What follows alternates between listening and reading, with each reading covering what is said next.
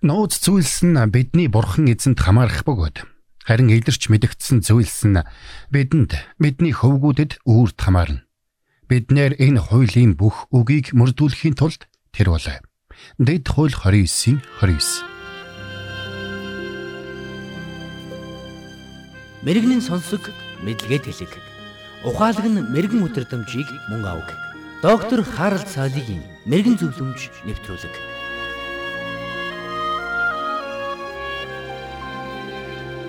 Хэрвээ та ерөнхийлөгчийн засаглалтай улсад амьдардаг бол танай улсын хамгийн их эрх мэдэлтэй хүн чинь ерөнхийлөгч байх болно. Харин та хаан тулсад амьдардаг бол хамгийн өндөр хэрэгэм зэрэгтэй хүн нь хаан байх болно ерөнхийлөгчийг сонгуулаар сонгодог бол хаад хаан ширээгээ удам залган өвлөж авдаг. Тиймээс ч ихэнх хаад өөрсдийгөө бурхны хүсэл тааллын дагуу хаан болсон гэдэгт итгэлтэй байдаг. Харин хаадыг дотор нь химжээт эрхт болон химжээлшгүй эрхт хаан гэж хоёр хуваадаг.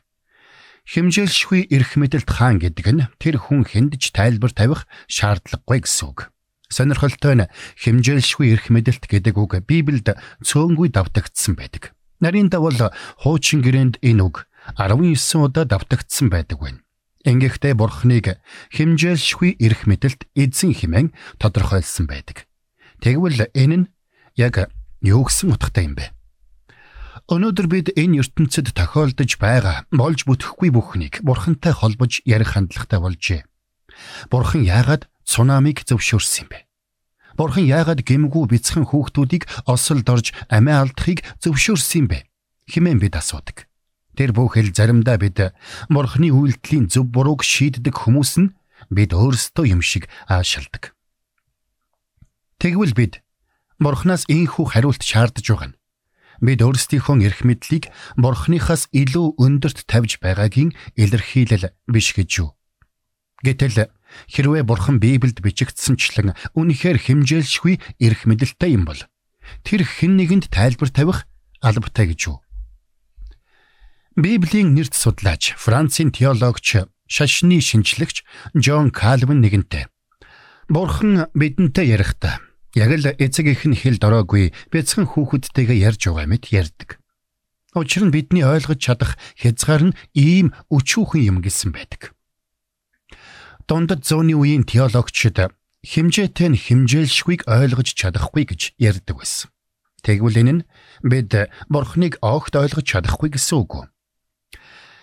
Зарим нь тийм гэж хариулж магадгүй. Нэг талаасаа энэ үнэн. Гэхдээ Есүс Христ энэ дэлхий дээр ирснээр энэ бүхэн өөрчлөгдсөн юм. Эзэн Есүс өөрөө хэлэхдээ намайг харсан нь эцгийг харсан гэсэн байдаг. Өөрөөр хэлбэл Есүс Христийн амьдрал түүний үлгэр дуурайллаас бид Бурхан эцгийг багаж болов таних боломжтой гэсэн үг юм. Гэхдээ бид хичнээн хичээсэн ч Бурханы талаар мэдэх бидний мэдлэг үнэндээ өчүүх юм.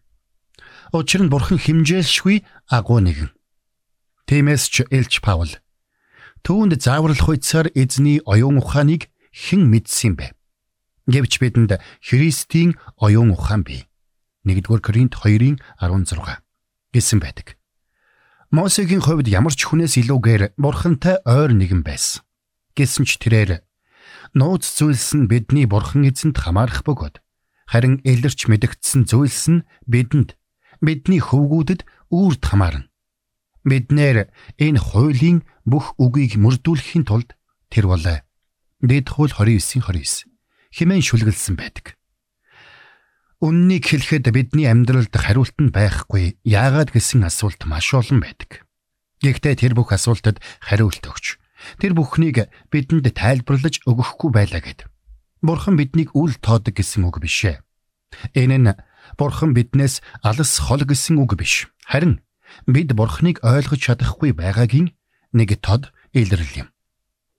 Гэсэн хэдий ч бидний ойлгож мэдэх зүйл үнэхээр агуу юм. Жишээ нь юу гэж? Швейцарын нэрд теологч Карл Бартас оюутнууд нэгэнтэй теологийн хичээлээр дамжуулж сурч авсан хамгийн агуу зүйл нь юу болохыг асуусан байдаг. Харин тэрээр хэсэг зур бодол хийлснэ. Есүс надад хайртай да. Библи надад хэлсэндээ хэмээн аялсан гэдэг.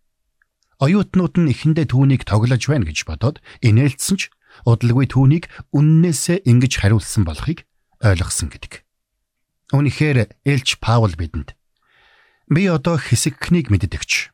Би өөрөө бүрэн мэдгдсэн шигэ дараа нь би бүрэн мэдэх болно. 1-р Коринт 13:12. Химэн сануулсан байдгийг та битгий мартаарай. Цаг нь ирэхэд бид бүгдийг ойлгох болно. Тиймээс зүгээр л төвчээртэй хүлээ.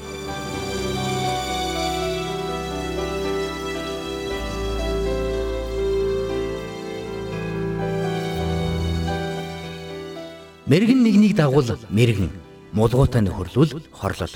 Доктор Харалт цайлигийн мэрэгэн зөвлөмж нэвтрүүлэг танд хүрэлээ.